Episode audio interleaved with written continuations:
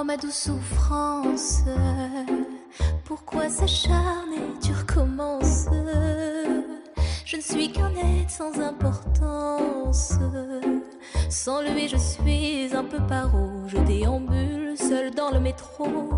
Une dernière danse pour oublier ma peine immense. Je veux m'enfuir, que tout recommence.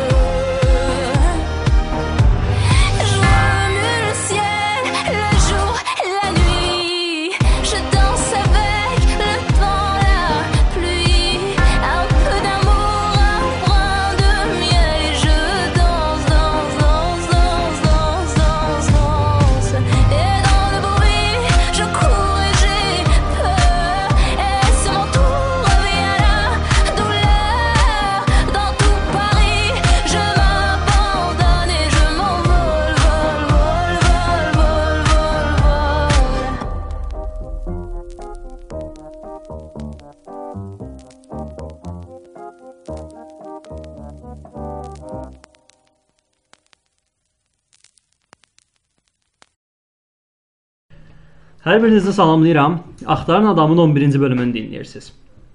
E, digər bölümlərdə diqqət elədinizsə, fərqli sahələrdə fərqli insanlarla danışdıq, fərqli qonaqlarımız oldu.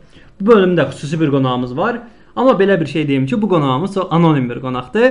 O qonağın ha- haqqında çalışacağıq ki, məlumat verməyək sizə. Əsas önəmli olan o qonağın bizə verəcəyi məlumatlardır. Ondan necə necə yararlanıb faydalana bilərik. E, Bu gün səhiyyə sahəsində danışacağıq. Və gözəl bir qonağımız var, gözəl bir xanım burdadır. Salamlayıram, xoş gəldiniz. Salam, təşəkkür edirəm. E, siz səhiyyə sahəsində hansı formada, hansı ixtisas üzrə işləyirsiniz? Mən e, uşaq kardioloqu vəzifəsində çalışıram. Əla. E, yəni işiniz proses nədir? Yəni nə, nə edirsiniz orada? Kardioloq olaraq əsas kardioloq nə deməkdir ümumiyyətlə? Ümumiyyətlə kardiologiya çox geniş bir sahədir. Burada uşaqlarda ürək xəstəlikləri, anadan gəlmə və qazanma ürək xəstəlikləri e, deməli haqqında olan geniş bir sahədir və uşaqlarda yaranan patologiyanın qarşısını almaq, müalicə etməkdən ibarətdir. Deməli siz uşaqlarda yarana biləcək ürək xəstəliklərini araşdırırsınız, ya qarşısını alırsınız, ya müalicə etməyə çalışırsınız. E, indiyə qədər hansı formada fərqli xəstəliklərlə qarşılaşmısınız? Ümumiyyətlə hal-hazırda ən çox rast gəlinən uşaqlarda anadan gəlmə ürək qüsurlarıdır. Yəni bu qüsurların yaranma səbəbləri müxtəlifdir bunlar bizdən aslı olan, analardan aslı olan və olmayan səbəblərdən yaranır. Tibbdə belə bir deyim var ki, sağlam anadan sağlam uşaq doğular.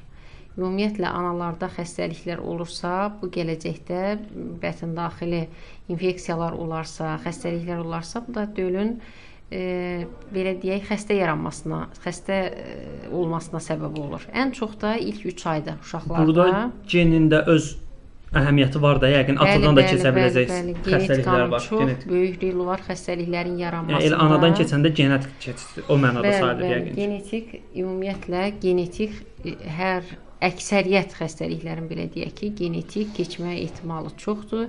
Son zamanlar təsdiq olunub ki, ürək xəstəlikləri də genetik nəsildə varsa ötürülə bilər. Əvvəllər bunu yəni nəzəriyyədə qəbul eləmirdilər, amma son zamanlar təsdiq olunub ki, ürək xəstəlikləri də deməli irsi o yolla ötürülə bilər. Allah, e, burada bayaq belə bir şey dediniz ki, e, anadan keçə bilən və yaxud ə, sonradan qazanıla bilən. Bu sonradan qazanıla bilənlər hansılardır? Qazanılma ürək xəstəlikləri uşaqlar arasında ən çox rast gəlinir revmatizm xəstəliyində. İndi yəni yeni nomenklatura ilə ona revmatik qızdırma adı verilib bu xəstəliyə. Revmatik qızdırmalı xəstələr e, deməli belə deyək xroniki xəstələr sayılır, uzun müddət müalicə tələb eləyir və bu xəstəliklərin əksəriyyəti e, sonda ürək qüsurlarının yaranmasına səbəb olur. Bunlar qazanılma ürək qüsurlarıdır ki, hansı ki qapaqlarda qalınlaşma, daha sonra çatmamazlıq və ağır patologiyalara gətirib çıxarda bilər. Allah, e, buna qayıdacağıq, təzədən qayıdacağıq, amma o məcburi ailədən keçən, o uşağı övlada, yəni sonradan qazanılmayan, əvvəldən keçənlər hansılar var idi? Onlara bir-ikisi misal çəkə bilərsiniz ki, onun hansı ki, ailə əvvəldən, məsəl üçün elə cavan vaxtlarından ananın özü özünü müalicə edərək o xəstəliyin yayılmasının qarşısını ala bilər. Bilirsiniz, ən çox analarda belə deyək, şəkərli diabetdən əziyyət çəkən anaların uşaqları e, anadan gəlmə ürək qüsuru ilə ola bilər, doğula bilər.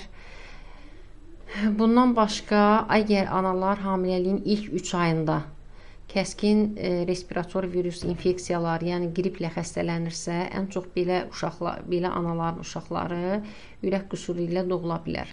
Buna görə analar özlərini hamiləlikdə ciddi surətdə virus infeksiyalardan qorumalıdırlar. Bətin daxili infeksiyalar, toksiplazma, sitomegalovirus, e, məxmərək kimi viruslar da anadan gəlmə ürək qüsurları yarada bilər. Ona görə də xüsusi olaraq bu viruslar hamiləliyin əvvəlində və yaxud ana hamilə qalmamışdan əvvəl bunları yoxlatdırmalıdır, müalicə etməlidir. Və ciddi olaraq ilk 3 ayda sağlam ana sağlam olmalıdır ki, döl forma formalaşanda tam sağlam döl formalaşmış olsun. Bəs e, narkotik vasitələrin və yaxud spirtli içkilərin nə kimi mənfi təsirləri var?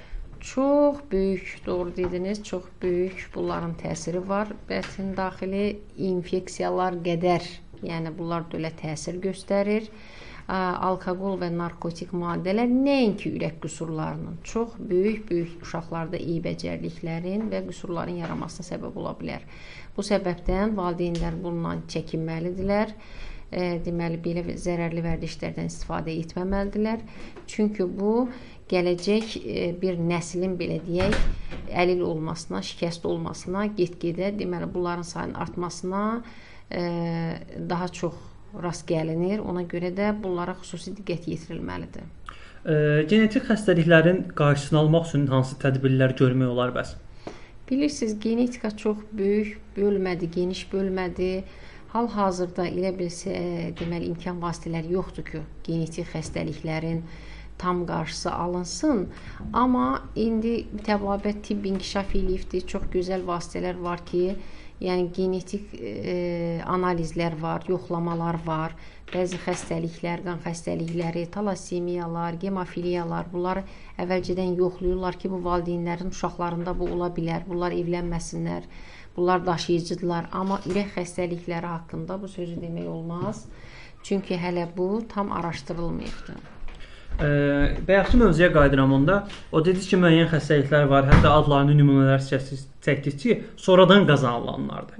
O sonradan uşağın o qazanacağı o xəstəlikləri qazanmamaq üçün və yaxud qazandığı zaman onun müəyyən qədər təsirini azaltmaq üçün nələr edə bilərik? Aha, bu çox gözəl sualdır. Tibbdə ən geniş deməli yer tutan profilaktika.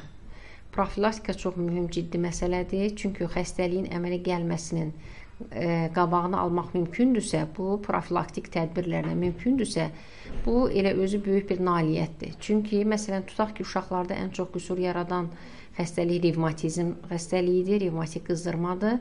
Bu xəstəliyin qarşısını almaq üçün bu xəstəliyi özünü deməli yarama səbəbi olan e, beta gemalitik streptokoklar bu e, deməli mikroblar ən çox belə deyək damaq badamcıqlarında, boğazda yerləşən, lori dildə desək, e, boğazda ət deyir belə bir xalq bunu xalq arasında deyirlər. Bəli, bu damaq badamcıqlarının üzərində ən çox yerləşir bu e, gemalitik streptokoklar və uşaqlar tez-tez angina ilə, tanzilitlə xəstələnirlər.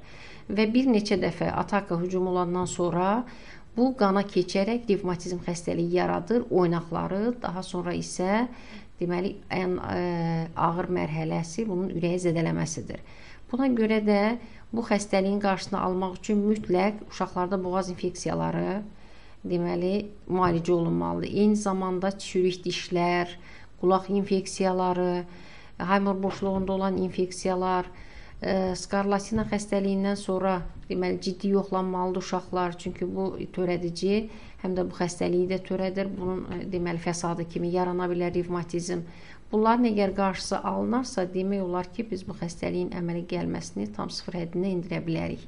Çox ciddi profilaktik tədbirlər aparılır hal-hazırda. Ona görə də dünyada ümumiyyətlə bu revmatizm xəstəliyi e, səviyyəsi, faizi çox aşağı salınıbdır. Çünki deməli onun profilaktik tədbiri aparıldığına görə deməli bu xəstəliyin olduqca qarşısı demək olar ki, çox alınıbdır. Amma hələ ki belə deyək, səhlankar valideynlər ucbatından e, bir balaca nəzarətsizlik ucbatından hələ də bu xəstəlik tamam sıfıra yendiril endirilməyibdir.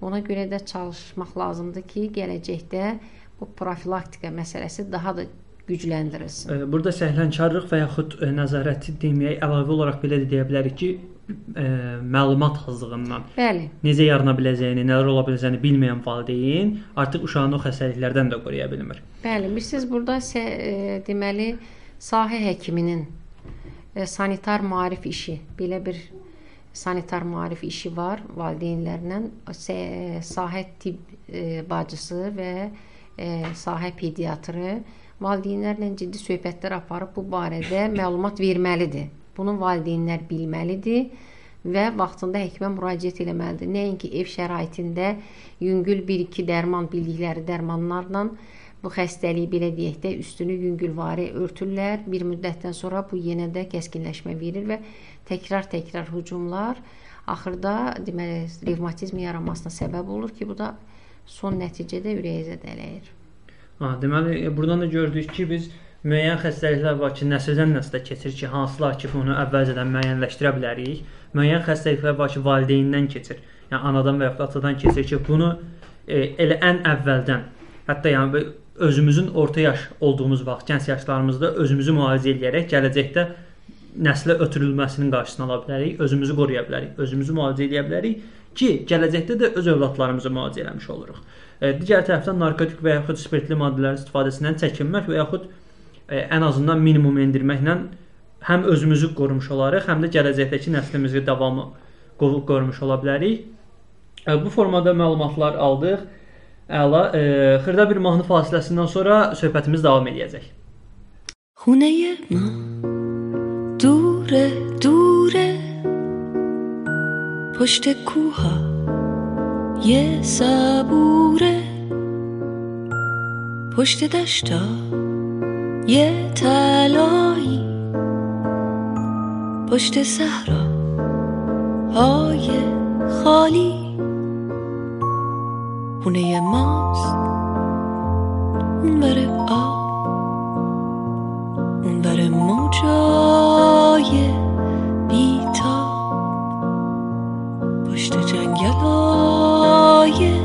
صرفه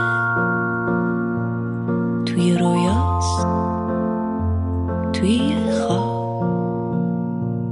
پشت اقیا نوس آبی.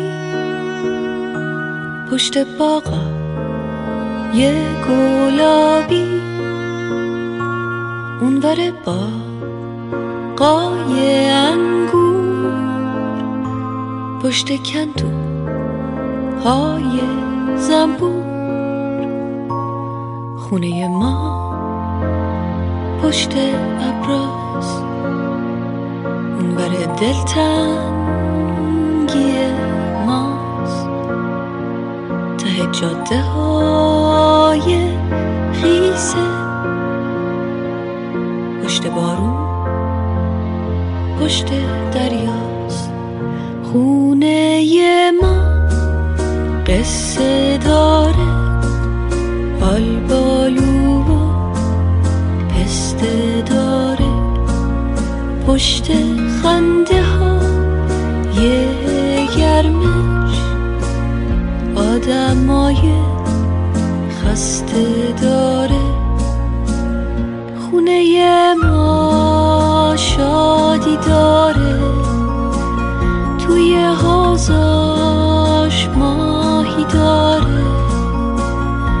هاش تو بازی داره. گربه های نازی داره. خونه ما گرم و صمیمی. رو دیواراش عکسای قدیمی. عکس بازی لب دریا تو تابستون. عکس اون رو سیر بارون با یه بغض و یه چمدون. رفتن از پیش آدمای نازنین و مهربون.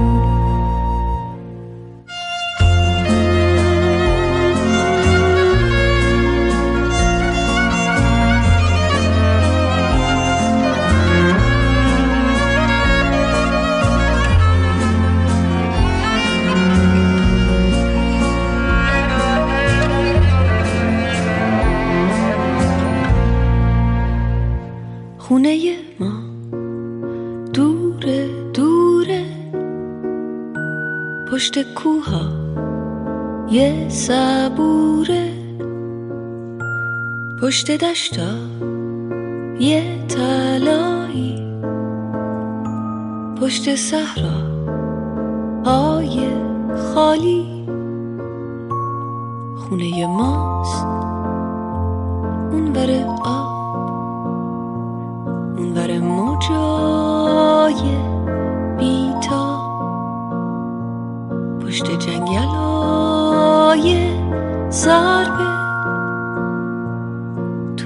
توی رویاست توی یه خواب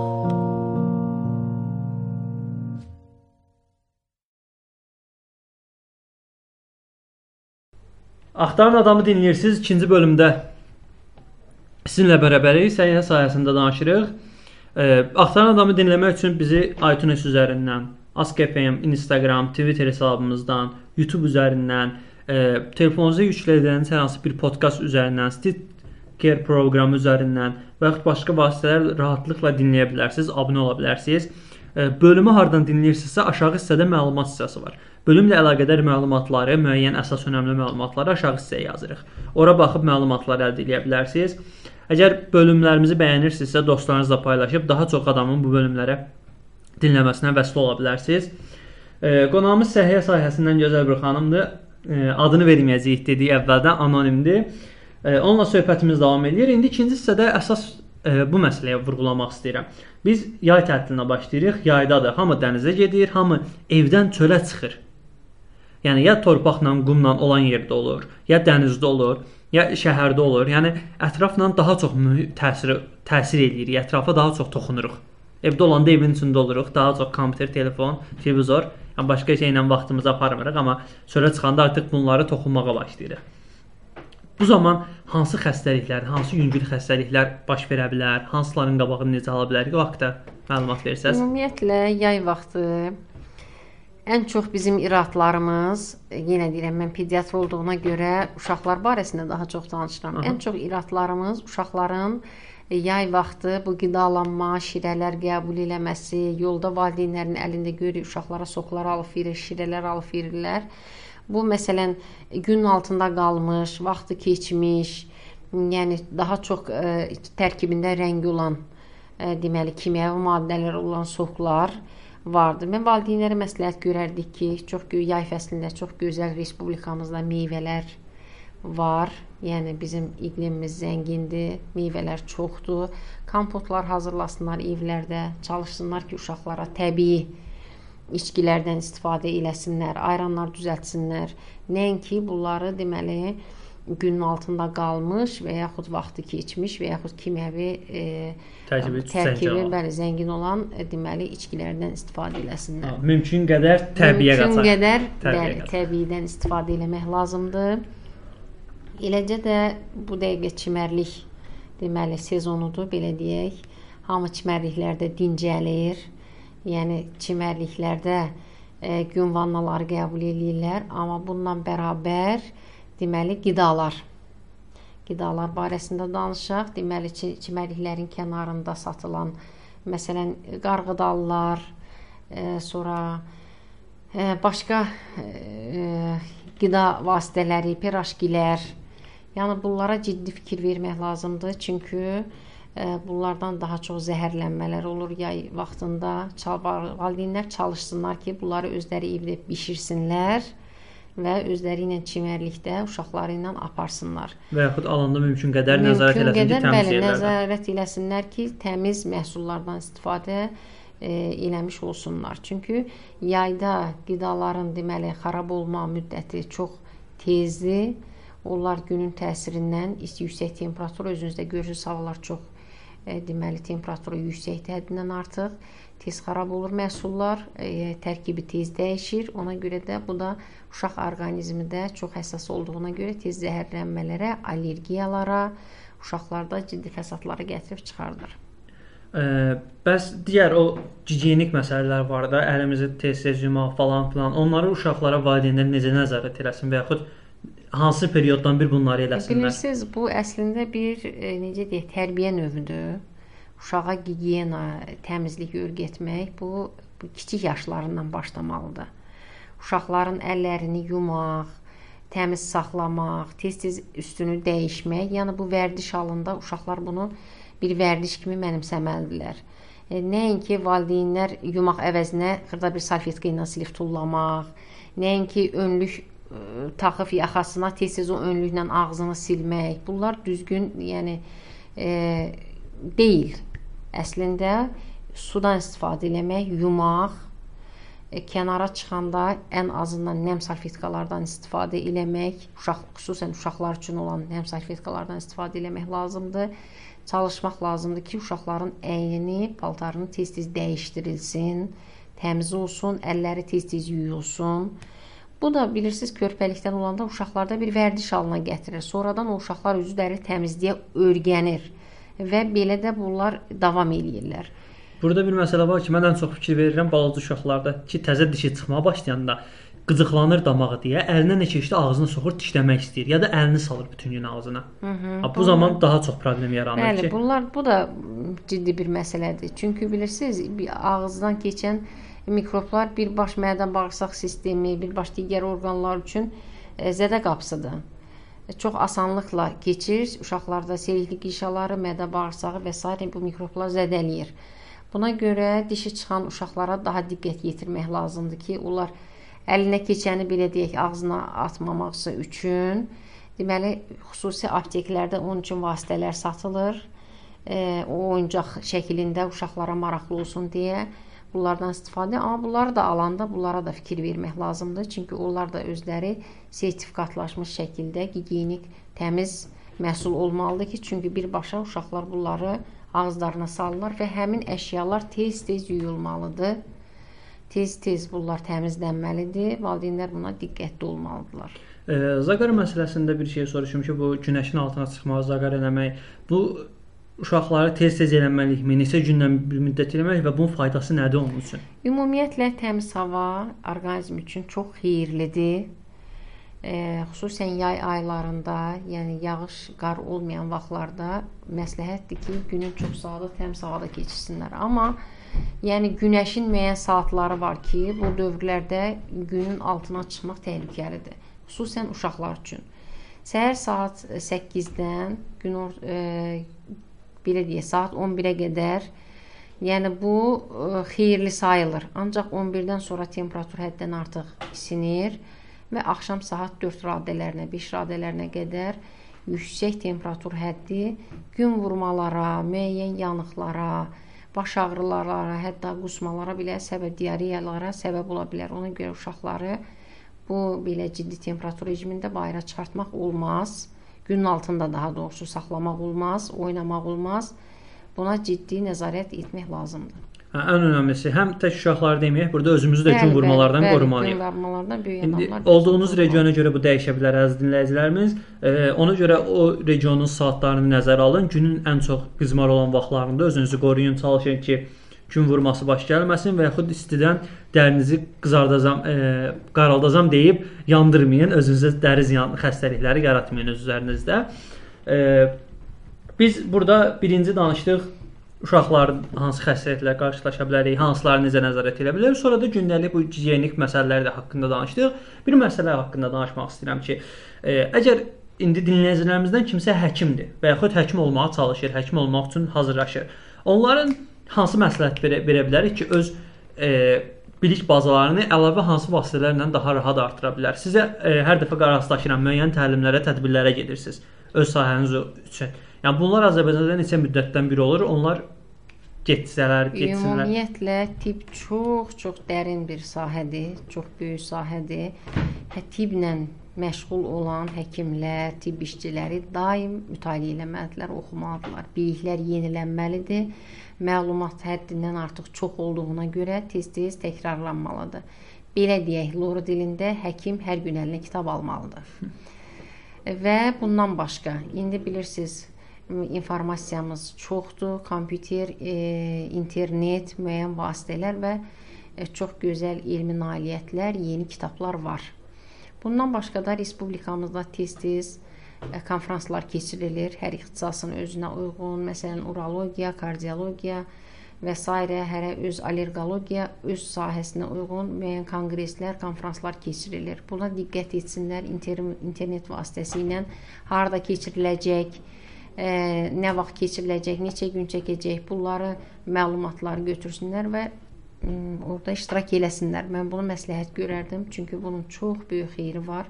Yeniliklərin məlumatları almaq ə, və tətbiq eləmək. Və kitablar.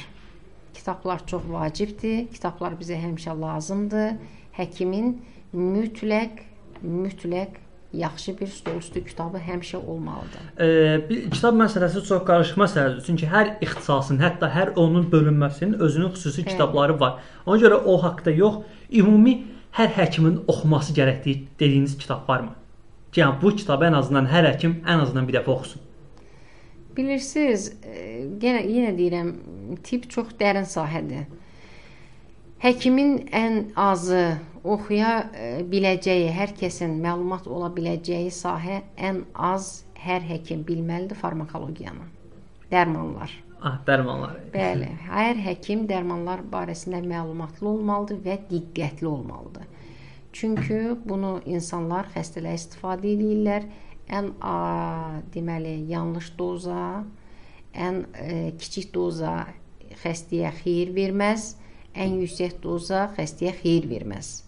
Belə deyək, ona Tam görə norması. tam normanı bilmək lazımdır və həkimlər ciddi surətdə farmakologiyanı bilməlidirlər. Aşağı dozalar qıcıqlandırıb artıra bilər, yuxarı dozalar daha əks təsir Bəli, göstərir. hər ikisi yəni xəstə üçün xeyirsiz hesab olunur. Önəmli. Ona görə dozalar düzgün, xüsusən pediatriyada dozalar çox e, deməli düzgün belə deyək də, hardasa standart var böyüklər üçün, amma uşaqlar üçün tam fərqlidir. Ona görə pediatrlar da daha ciddi buna nəzarət etməlidirlər.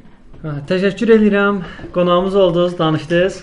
E, çox sağ olun. Bizə vaxt ayırdınız. Son sözünüz e, dinləyicilərimizə məsləhətləriniz. üçün Çox sağ olun, qiymətləndirdiyiniz, dəyərləndirdiyiniz üçün çox təşəkkür edirəm və sizə eləcə də dinləyicilərimizə həkim nə arzulaya bilər? Sağlamlıq, Sağlamlıq. can Sağ sağlığı. olun.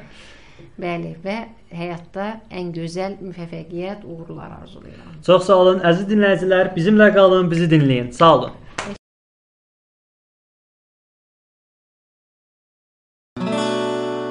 If you can hear the sound, if you can sing the rhymes, if you can get the groove, and if your body moves, so you're one of the tribe, you're part of the vibe. Don't resist it, don't resist it, don't resist it. Jump.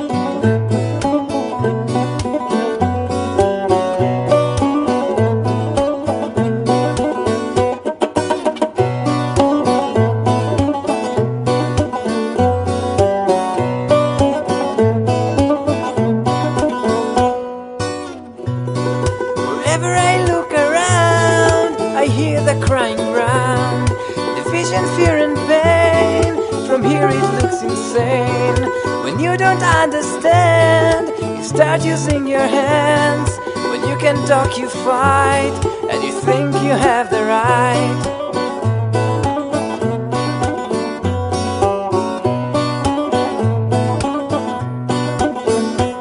If you can hear the sound, if you can sing the rhymes, if you can get a groove, and if your body moves, so you're one of the tribe and you're part of the vibe. Don't resist it, jump. If you can hear the sound, if you can sing the rhymes, if you can get a groove, and if your body moves, so you're one of the tribe and you're part of the vibe.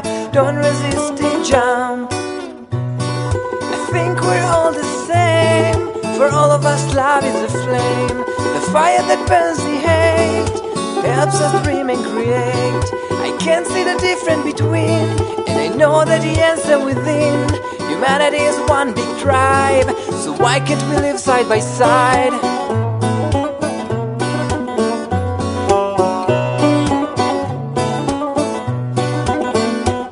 If you can hear the sound, if you can sing the rhymes, if you can get a groove, and if your body moves, so you're one of the tribe and you're part of the vibe. Don't resist it, jump. Can hear the sound, if you can sing the rhymes, if you can get a groove, and if your body moves, so you're one of the tribe and you're part of the vibe. Don't resist it, jump.